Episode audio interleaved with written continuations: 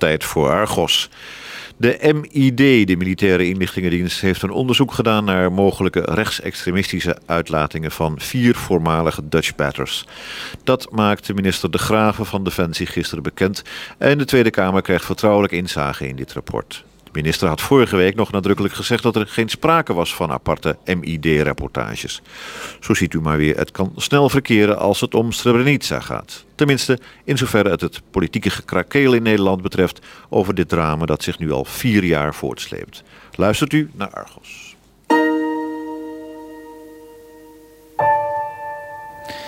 Vijf deskundigen van het rampenidentificatieteam zijn uit Nederland naar Kosovo vertrokken voor onderzoek naar oorlogsmisdaden.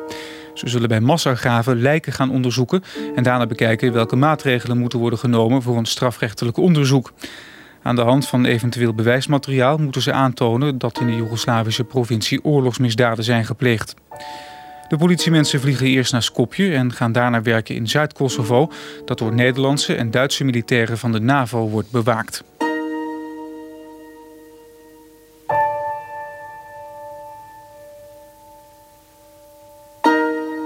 Hebben natuurlijk veel besprekingen gehad eh, met uh, al uh, Benezen in deze regio. En zij gaven aan dat in deze omgeving van Filica Krusa een massagraf aanwezig was. wij zijn daarheen gegaan, wat het behoort tot een van onze opdrachten om dat soort gebieden te beveiligen. En wij troffen aan een, een verbrand huis met daarin een globaal 20 verbrande lichamen. Ja. Uh, ik kan niet uh, herkennen uh, of het man en vrouw of, of, of, kinderen waren. Het was een, een zeer aangrijpend gezicht. Ik had zoiets nog nooit meegemaakt. en ik kan u verzekeren dat dat de mindere kanten zijn van ons werk.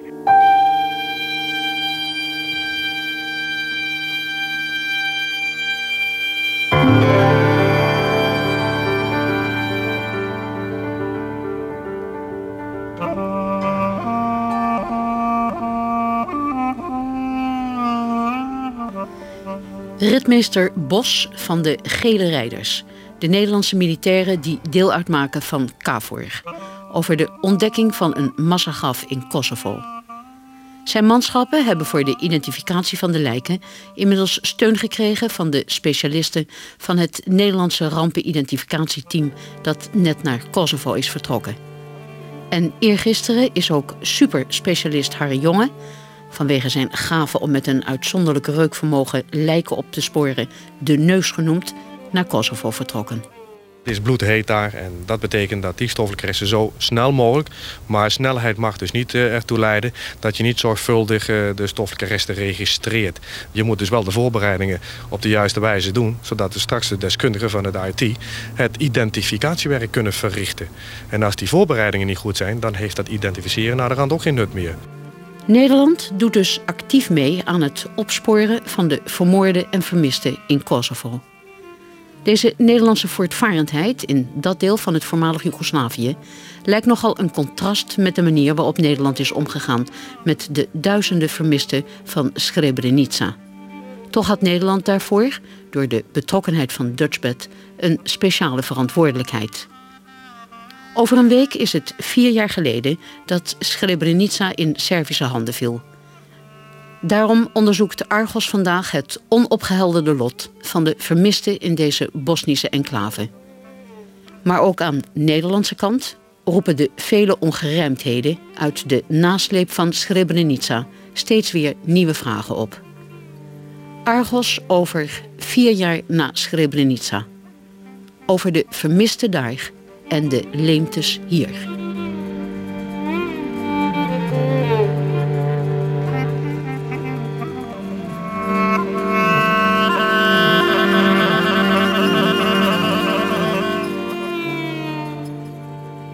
Sometimes I just you know, lose all hope, but uh, I think it's really a crime to presume that somebody is dead if you don't have proofs that he is dead. You cannot just presume that somebody is dead unless you find out what happened to him. In order to do this, there must be an investigation. So somebody has to investigate what happened to the people. When they investigate and find out that they are dead, then I will say, okay, they are dead. Hassan Nuhanovic uit Srebrenica. 18 maanden was hij tolk van Dutchbed, totdat de stad in juli 1995 in handen viel van de Servische troepen van generaal Mladic. Hij vertolkt de gevoelens van alle verdrevenen uit Srebrenica, die nog steeds geen duidelijkheid hebben over het lot van hun geliefde, familieleden en vrienden, die sinds juli 95 zijn vermist.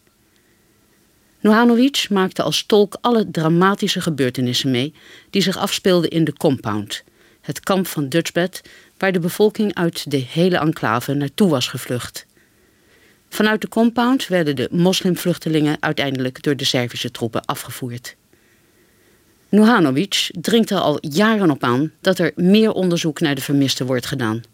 En daar houdt hij speciaal de Nederlandse regering voor verantwoordelijk. Toen hij afgelopen maart daarvoor opnieuw naar Nederland kwam, spraken wij met hem. Dakle, nije samo pitanje moja porodica, dakle, moji roditelji, moj brat u pitanju je nekoliko hiljada ljudi, ali da ne bi previše komplikovao stvar, u Holandiji sam zbog slučaja 242. To je slučaj koji je dobro poznat holandskim vlastima ovdje već nekoliko godina.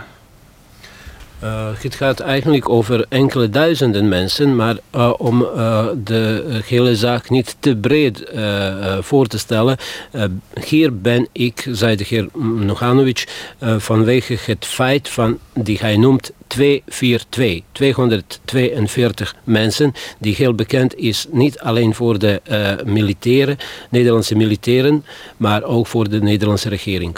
5000 mensen hebben de Nederlandse soldaten in het kamp uh, toegelaten na de val van Srebrenica.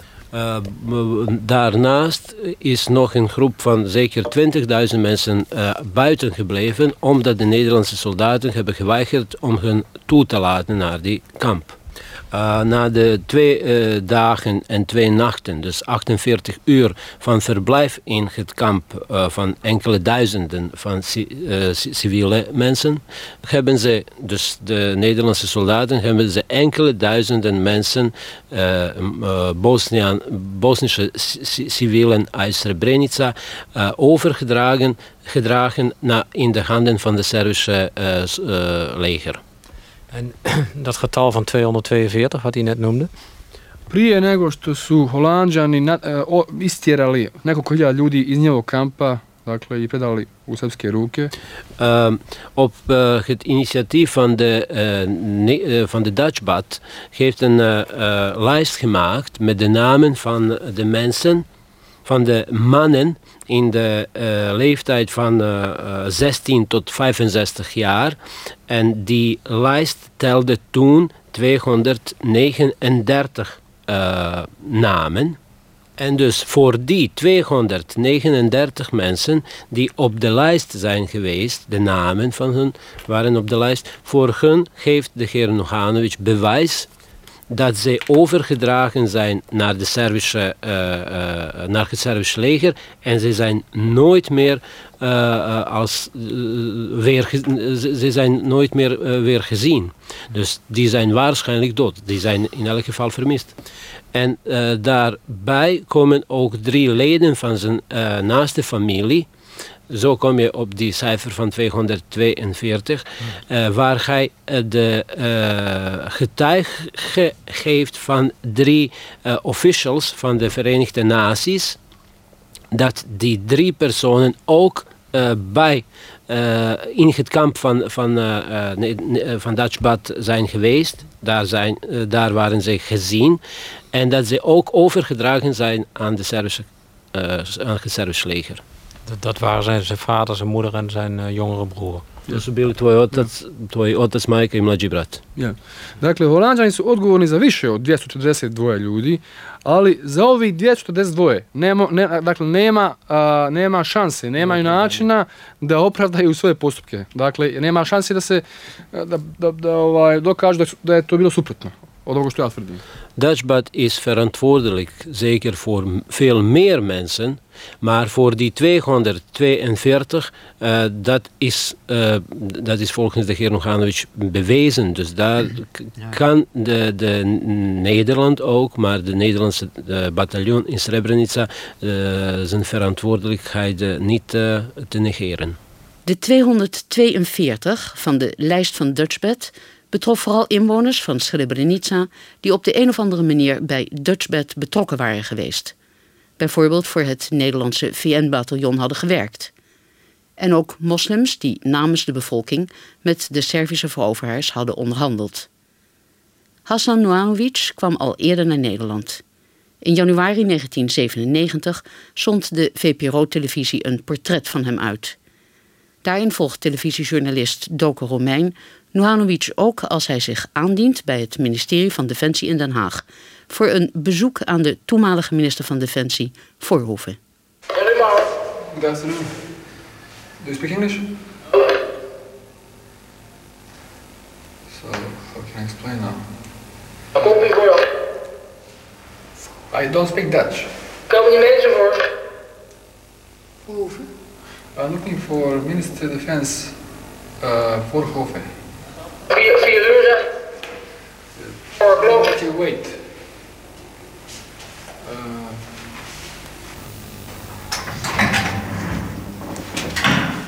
Hello. good afternoon. Good afternoon. Nice to meet you. Welcome here. Thank you very much. So, we had an exchange of letters. Since when did you uh, get into the Netherlands?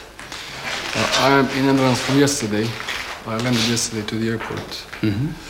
And uh, about the letters, uh, the last time I think I sent Was in the summer. by fax in summer. yes. Right. Please sit down. Thank you very much. Have you heard any further new information about the missing family members? Uh, not really.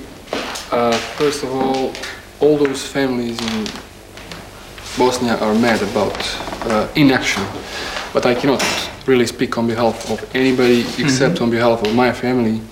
I think you can probably do more, maybe if you knew some more uh, details, especially the people from inside the UN Dutchbat headquarters, UN base in Potocari, because really uh, whoever tried to explain so far what happened there did not really focus so much about the, I would call it, disgraceful action of the Dutchbat troops that they did with the people who were in the UN base and which resulted by having my whole family missing.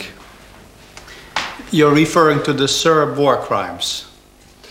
Nobody wanted to tell me what really happened outside, although I definitely know now, definitely, that they all knew what happened outside. Uh, they did not give the chance to those people to stay in the camp, although, as far as I know, there was no really uh, pressure from the Serbs around to expel the people from the camp, as far as I know. I do not have any information that the Serbs asked the Dutch commander or the deputy commander or any other officer to expel the people from inside the camp. Uh, I understand that we would have only the first handshake and not this whole uh, conversation. And I would appreciate it if you stuck to that agreement. Yeah? okay. Because this is not according to what we agreed. Als Hassan Nohanovic Voorhoeven harde verwijten voor de voeten werpt over het feit dat Dutchbed op eigen initiatief de moslimvluchtelingen uit de compound zou hebben verwijderd, zonder echte dwang van de Servische troepen, begint Voorhoeven zich steeds ongemakkelijker te voelen onder de aanwezigheid van de televisieploeg. Die moet het vertrek dan ook verlaten.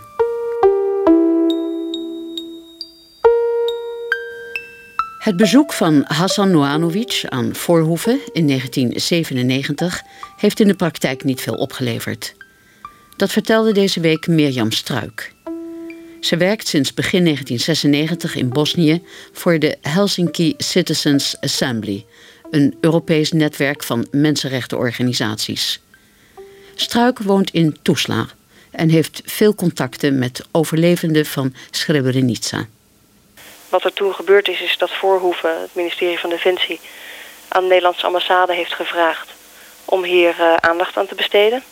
De ambassade heeft dit doorgespeeld aan de toenmalige premier van Republika Srpska, de Servische entiteit in Bosnië. Maar daar is nooit een reactie op gekomen. En wat we nu willen is dat de Nederlandse regering dus wel zegt van... hé, hey, we hebben een speciale verantwoordelijkheid in deze. We hebben een speciale verantwoordelijkheid voor de 242. En we gaan er nu een keer echt werk van maken. En we gaan er extra tijd, geld voor uittrekken. Een onderzoeksteam instellen. Afgelopen maart was Hassan Noanovic opnieuw in Nederland... en legde nog weer eens uit waarom hij toch weer naar Nederland kwam... om een beroep te doen op de regering. Dakle, ja nisam došao uopšte da optužujem Holandjane što je Srebrenica pala kao teritorija, razumijete? Dus ik kwam naar Nederland niet, uh, naar Nederland, uh, niet om de Nederlanders te beschuldigen voor het faal van Srebrenica.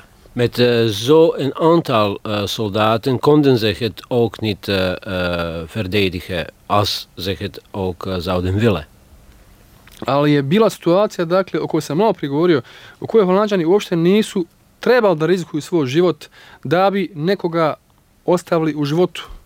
Maar er waren de situaties waar de Nederlandse soldaten helemaal uh, uh, hun levens niet uh, moesten riskeren om de mensen in, in, in het kamp te, te, te kunnen redden. De enige wat de, wat de Dutchbad moest doen was op 13 juli 1995 de mensen die al in het kamp zijn geweest, daar laten zitten. En wat er is gebeurd is dat de leiding van Dutchbed het kamp uitgestuurd heeft. Ja. Dakle, Srbi nisu ušli u kamp, provalili, preskočili preko ograde da uzeli te civile. De Serviërs zijn niet in het kamp uh, uh, toegekomen om die mensen af te pakken. Er waren ook geen uh, signalen, er waren ook geen signalen dat de Servische soldaten naar het kamp toe willen komen. Dat zij agressief zijn geworden om daar binnen te, te, komen. Dus de, de leiding van Dutchbad heeft op zijn eigen initiatief besloten om die mensen uit het kamp te, te laten gaan. Ja. En waarom? En waarom? Omdat ze bang waren? Ali, razlog zbog čega su to Holanđani uradili je sljedeći.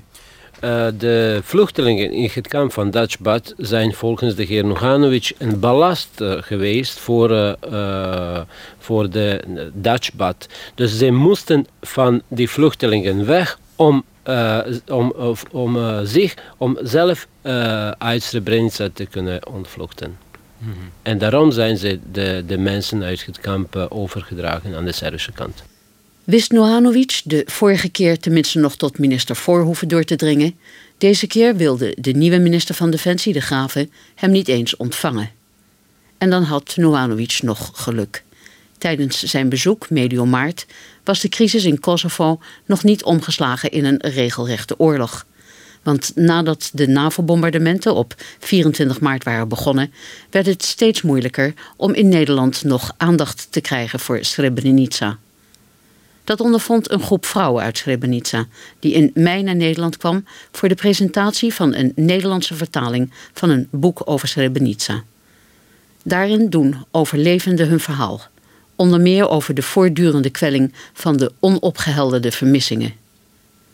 Hatitsa Gren, samenstelster van het boek, vertelde voor de NCRV-radio over die verminderde belangstelling.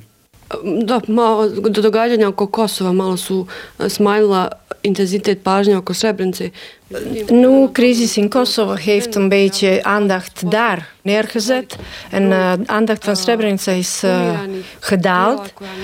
Maar uh, het probleem is dat heeft heel veel lichamen. En dat is het probleem. Zijn, er zijn geen held voor uh, ja, identificatie van uh, lichamen. En dat is uh, gewoon een grootste probleem nu in Srebrenica. Voormalig Dutchbed-tolk Hassan Nuanovic had wel een verklaring voor de opstelling van minister De Graven afgelopen maart. On želi da slučaj bude zatvoren i da se polako to sve zaboravi. Uh, to je njegov cilj. Eh, volgens de heer Noganovic eh, wil de minister eh, dat de zaak Srebrenica wordt gesloten en, en langzamer gaan de ver, vergeten.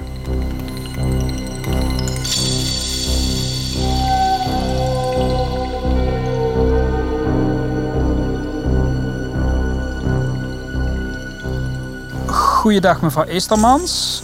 U bent persvoorlichter van het Rode Kruis. Ja. Als het gaat om Srebrenica, daar heeft u ook de vermisten geregistreerd. Hoeveel mensen zijn er nu vier jaar na dato, na de val van Srebrenica, nog uh, steeds vermist? Dat zijn er uh, tot op de dag van vandaag 7411.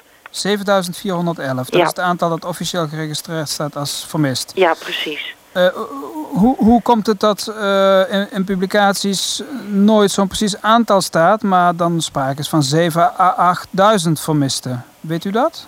Nou, ik denk dat het komt omdat het heel erg moeilijk is om exacte getallen te geven. Wij kunnen dit ook eigenlijk alleen maar doen omdat wij onder een vermist persoon verstaan iemand uh, wiens familie aan het Rode Kruis heeft aangegeven dat zij deze persoon missen. Ja, ja. Uh, als het gaat om echt exacte aantallen van oorlogsslachtoffers, dan, ja, dan, dan is het toch vaak koffiedik kijken. En ja. Uh, daar doen we gewoon niet aan mee. U zegt ook dat kan afwijken van de daadwerkelijke vermisten. Absoluut. Er kunnen bijvoorbeeld mensen zijn die niet als vermist zijn opgegeven en die wel degelijk vermist zijn of overleden zijn. Maar waarvan mensen misschien um, er al zo van uitgaan dat het zeker is dat die persoon overleden is... dat uh, er geen verzoek meer om opsporing wordt gedaan. Of ja, toen is gedaan. Dus op zich is het ook wel terecht als er gesproken wordt van 7 tot 8000 vermisten. Want er zouden een aantal bij kunnen zijn die, die niet in uw lijst staan, maar die wel degelijk vermist zijn. Ja, absoluut. Uh, nou moet ik zeggen dat er van uh, dat aantal inmiddels uh, 78 zaken zijn uh, opgelost. Wat betekent dat? Dat betekent dat, uh, dat bekend is waar die persoon is gebleven. Het is natuurlijk een heel klein aantal. Ja, ja. 22 van die mensen zijn uh, levend teruggevonden. Uh, en 53 zijn um, um, helaas overleden en inmiddels ook begraven door hun familie. Dit is het getal tot en met 29 juni 1999. Ja, ja. Ja, dus dat is, dit is helemaal accuraat. Er zijn toch mensen opgegraven ook, slachtoffers van Srebrenica? Er zijn um, in Bosnië tot op dit moment 4800 bodybags opgegraven. Mm -hmm.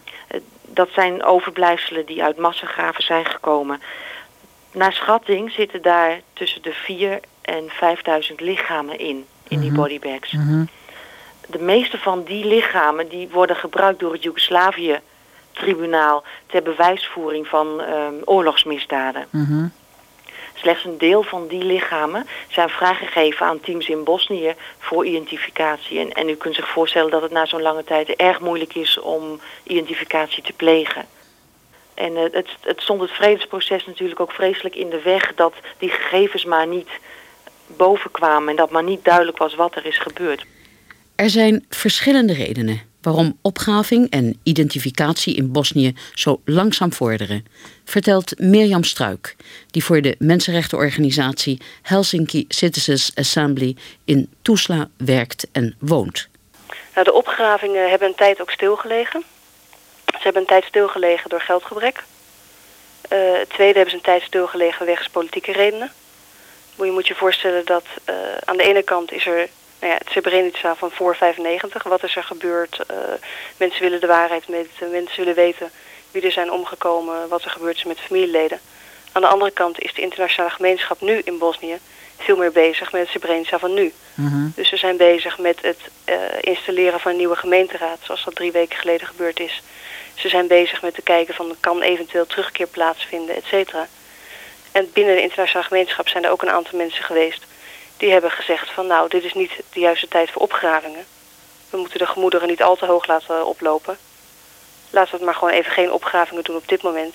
En meer bezighouden met het politieke proces Srebrenica. Dus het opgraven van die dode lichamen met alle emoties die daarbij mee gepaard gaan, die zou dat het proces verstoren? Het proces, precies.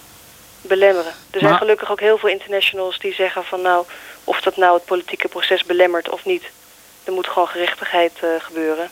En mensen hebben gewoon het recht om te weten wat er gebeurd is met hun familieleden en vrienden. Ja, want u zei net al, u heeft contacten met de nabestaanden. Hoe belangrijk is dat voor hun, die, uh, dat, dat, dat, dat uh, identificeren van die... Dat is vreselijk belangrijk. Dat is echt dat is ongelooflijk. Ik bedoel, op het moment dat je ook uh, langskomt bij kantoren... waar over, overblevenden of overlevenden zitten uit Srebrenica. Je moet je voorstellen, mensen die... Dat is het enige waar ze aan denken. Mensen staan bol van de medicijnen. Er zijn mensen die nou ja, zeker nu, nu het er weer aankomt, precies vier jaar, die gewoon echt volledig overspannen raken ervan. En nog steeds uh, nou, niet goed kunnen slapen, continu zenuwachtig zijn, waanbeelden hebben, et cetera.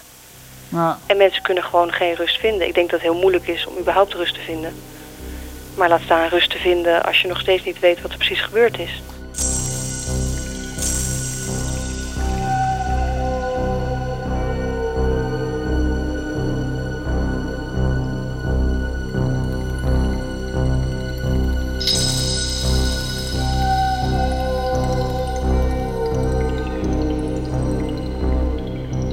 U luistert naar Radio 1, de VPRO, het programma Argos. Over een week is het vier jaar geleden dat de Bosnische enclave Srebrenica in Servische handen viel. Zowel in Bosnië als in Nederland laat dat nog steeds diepe sporen na. In Bosnië is nog steeds het probleem van de vermisten onopgehelderd. In Tuzla liggen op dit moment eh, honderden en honderden nou, lijken die opgegraven zijn. En die liggen in slechte gebouwen, waar geen koelsysteem is. Die liggen in gebouwen opgestapeld op, op een manier waarop de identificatie nog moeilijker wordt. Omdat er geen gebouwen vrijgemaakt worden door de overheid.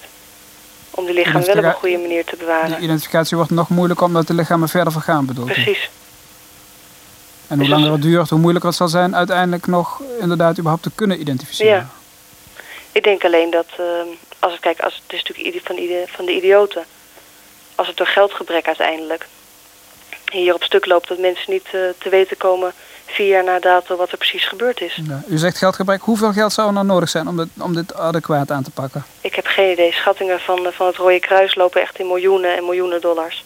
Ja, maar miljoenen voor de internationale gemeenschap, dat lijkt niet uh, onoverkomelijk.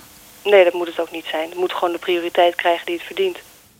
De identificatie van de gevonden lichamen is vooral daarom zo duur, omdat die in veel gevallen alleen nog maar kan gebeuren via DNA-onderzoek. Bosnië beschikt daarvoor zelf niet over een geschikt laboratorium. Mirjam Struik. Ik geloof nog steeds niet dat Nederland als enige verantwoordelijk is voor alles wat er in Srebrenica gebeurt. Dat is een heel, een heel politiek spel waar veel meer actoren verantwoordelijk voor zijn. Maar als je het bijvoorbeeld hebt over deze 242, denk ik dat Nederland daar toch ja, een morele verplichting uh, aan te voldoen heeft. En dus een van de dingen die we nu proberen te doen, is in Nederland uh, een comité op te stellen met 242, nou laten we zeggen, gemakshalve bekende Nederlanders. Die door middel van hun naam zich willen verbinden aan een van de mensen die op dit lijst van 242 stonden, die weggestuurd zijn door de Nederlandse Dutchbatters. En op die, manier, uh, op die manier willen proberen druk uit te oefenen op de Nederlandse regering om toch een speciaal team in te stellen dat zich speciaal bezig zou houden met het lot van deze mensen. En die speciaal zou kijken van wat is er gebeurd met die 242 mensen. Kunnen we op de een of andere manier door middel van extra inspanningen erachter komen? Kunnen we hun lichamen op, uh, opgraven? Kunnen we kijken of ze op de een of andere manier nog in leven zijn? Deze groep van 242, er zijn er een aantal nog wel in leven. Er zijn een aantal mensen die op de een of andere manier ontsnapt zijn.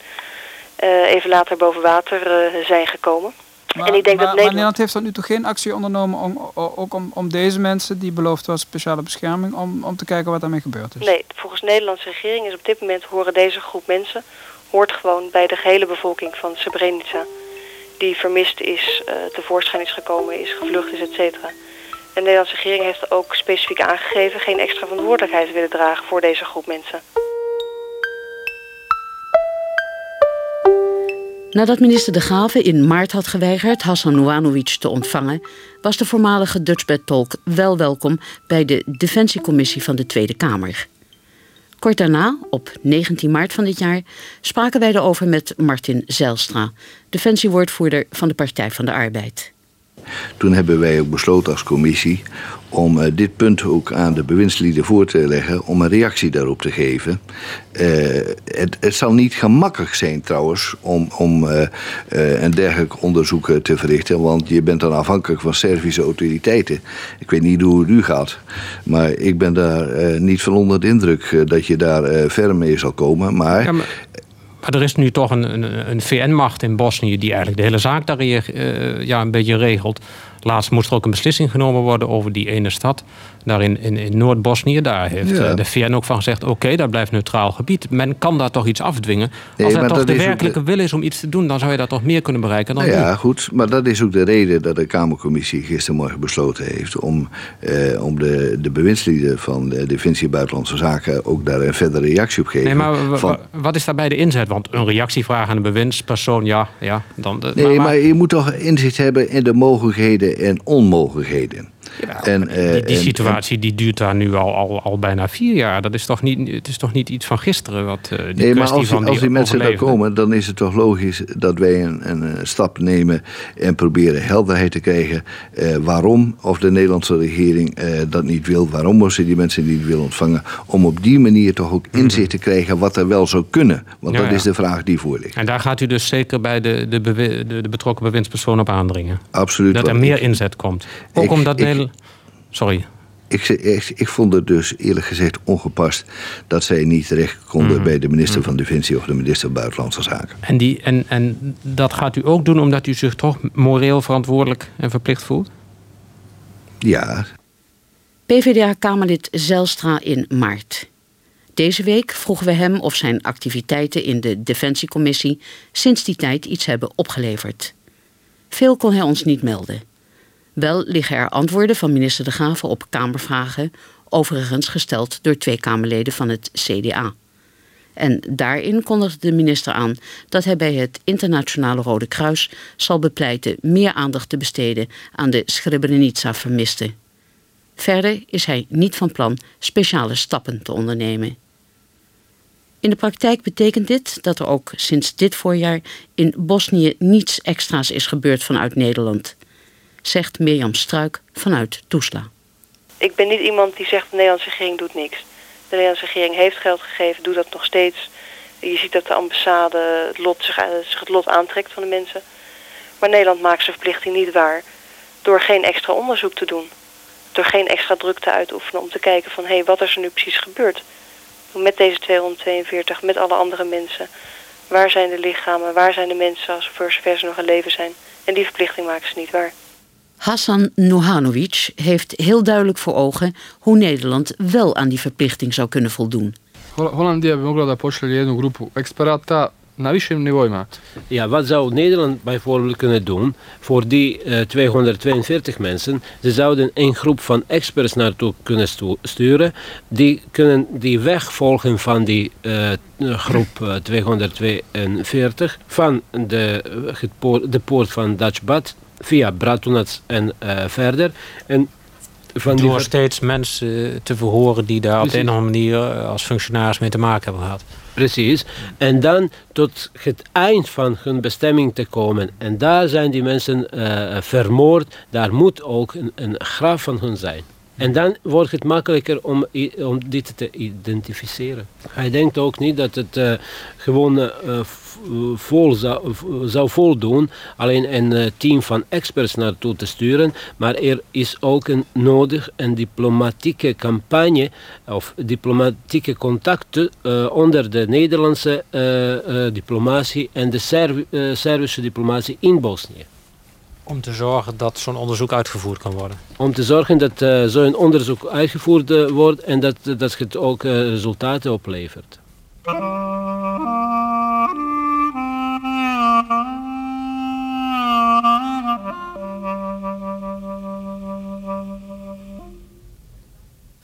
Vier jaar na de val van Srebrenica is in Bosnië nog steeds het probleem van de vermisten onopgehelderd. In Nederland duiken er steeds weer nieuwe problemen op door de manier waarop Defensie sinds juli 1995 Srebrenica heeft afgehandeld. Zo kwam de televisierubriek Nova vorige week met de beschuldiging dat Defensie opnieuw informatie achterhoudt om ongewenste gebeurtenissen te verhullen. Het betreft een zogenaamd feitenrelaas. Dat lag ten grondslag aan het omstreden debriefingsrapport en zou ook veel uitgebreider en scherper zijn dan dat rapport. Minister De Graven weigert het stuk openbaar te maken. Volgens hem kan dat niet, omdat het object is van strafrechtelijk onderzoek. Overigens maakte de minister gisteren bekend dat de Tweede Kamer wel inzage krijgt. Vertrouwelijk dan wel. Nova maakte vorige week ook melding van het bestaan van een eigen rapport dat de MID, de Militaire Inlichtingendienst van de Landmacht, over Srebrenica zou hebben gemaakt. Dat werd in de uitzending verteld door eerste luitenant Klomp van de marechaussee. Klomp was nauw betrokken bij de debriefing. Een eigen reportage uh, als een soort ja, zeg maar zeefunctie van uh, wat kan wel gebruikt worden of is noodzakelijk en wat niet. Ja, dat vermoeden had ik. Ze, ze maakten een eigen rapportage. En wat, wat daar eventueel dan mee zou gaan gebeuren, dat, dat kan ik alleen maar vermoeden. Had u de indruk dat de militaire inlichtingendienst een ander doel diende dan het doel waar u mee bezig was, waarheidsvinding? Dat is uw conclusie. Ja, ik vraag het aan u.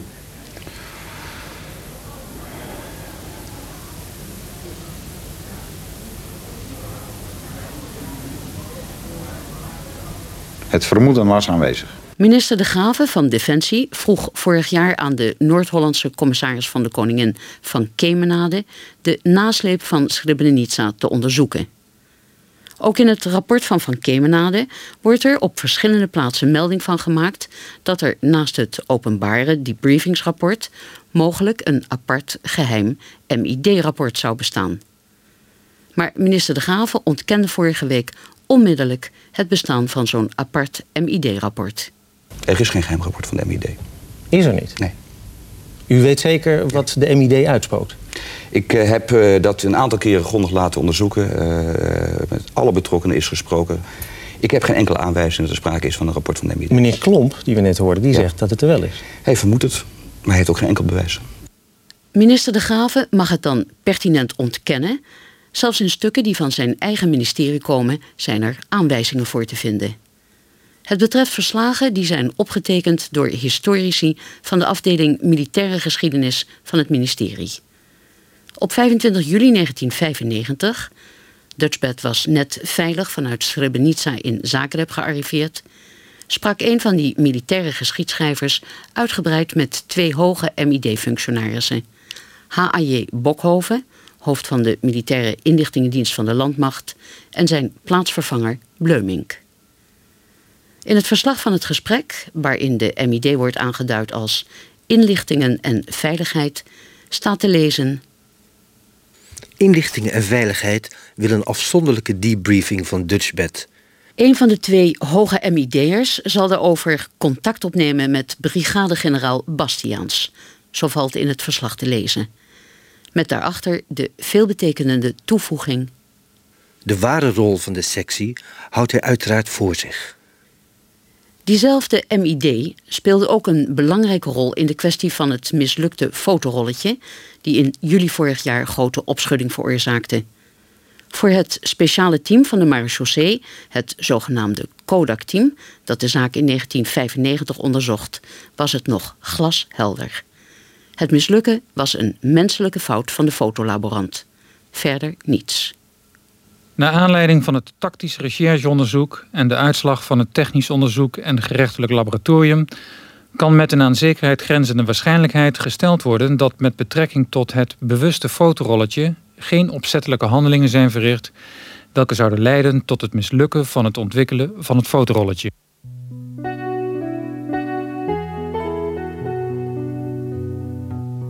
Argos onthulde afgelopen juli dat er ook een ander verhaal bestaat over de teloorgang van het fotorolletje. Het verhaal van Dutchbatter luitenant Rutten, die de foto's in Srebrenica heeft gemaakt. Foto's waarop lijken te zien zijn van moslims die hoogstwaarschijnlijk door Servische militairen zijn vermoord. Na terugkomst geeft hij zijn rolletje mee aan major de Ruiter van de Militaire Inlichtingendienst. Die laat de film naar het fotolaboratorium van de inlichtingendienst van de marine brengen. De volgende dag wordt luitenant Rutte teruggebeld door de MID. En tijdens dat telefoongesprek krijgt Rutte sterk de indruk dat de MID heeft gezien wat er op de foto staat. Dat kan alleen maar als het rolletje wel ontwikkeld is geweest. Maar vervolgens krijgt de luitenant van diezelfde MID te horen dat het rolletje bij het ontwikkelen verloren is gegaan. Argos onthulde in juli ook dat behalve de foto's van de lijken er ook foto's op het rolletje stonden waarop viel te zien hoe Dutchbatters meehielpen bij het wegvoeren van de moslimbevolking door de Serviërs.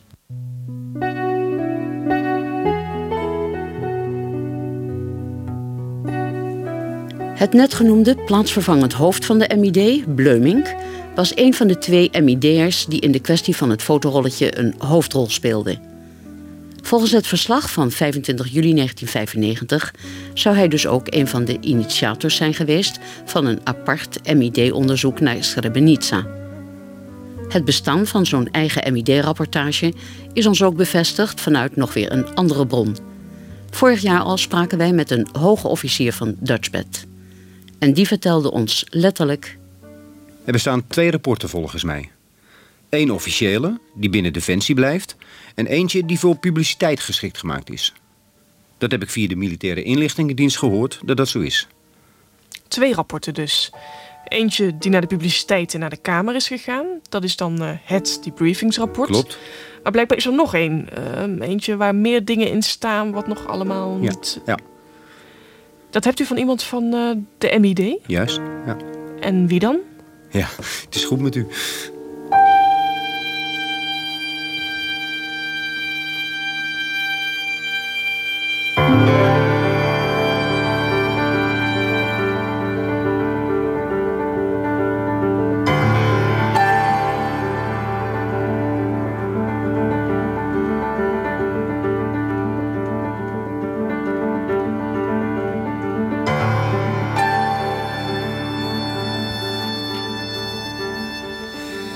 Minister De Graven heeft gisteren dus toegegeven dat er wel een aparte MID-rapportage bestaat. Daar zou hij pas eind vorige week achter zijn gekomen na goed doorvragen. Zo zei hij gisteren in de Kamer. U kon net in de uitzending horen dat De Graven eerder vorige week verklaarde dat hij ook toen al goed had doorgevraagd en niets had ontdekt. Opvallend is ook dat het MID-rapport dat volgens de Graven nu dan wel zou bestaan, maar een heel beperkt onderwerpje betreft: de mogelijke rechtsextremistische uitlatingen van vier voormalige Dutch batters. Maar allerlei aanwijzingen die net in onze uitzending te horen waren, lijken toch meer te duiden op een veel uitgebreidere aparte MID-rapportage over Srebrenica en Dutchbat. Misschien moet minister De Graven dus nog maar eens goed doorvragen. Argos werd deze week gemaakt door Gerard Legebeke, Huub Jaspers, Kai en Alberts, Joran Trukulja, Yvonne Scholte.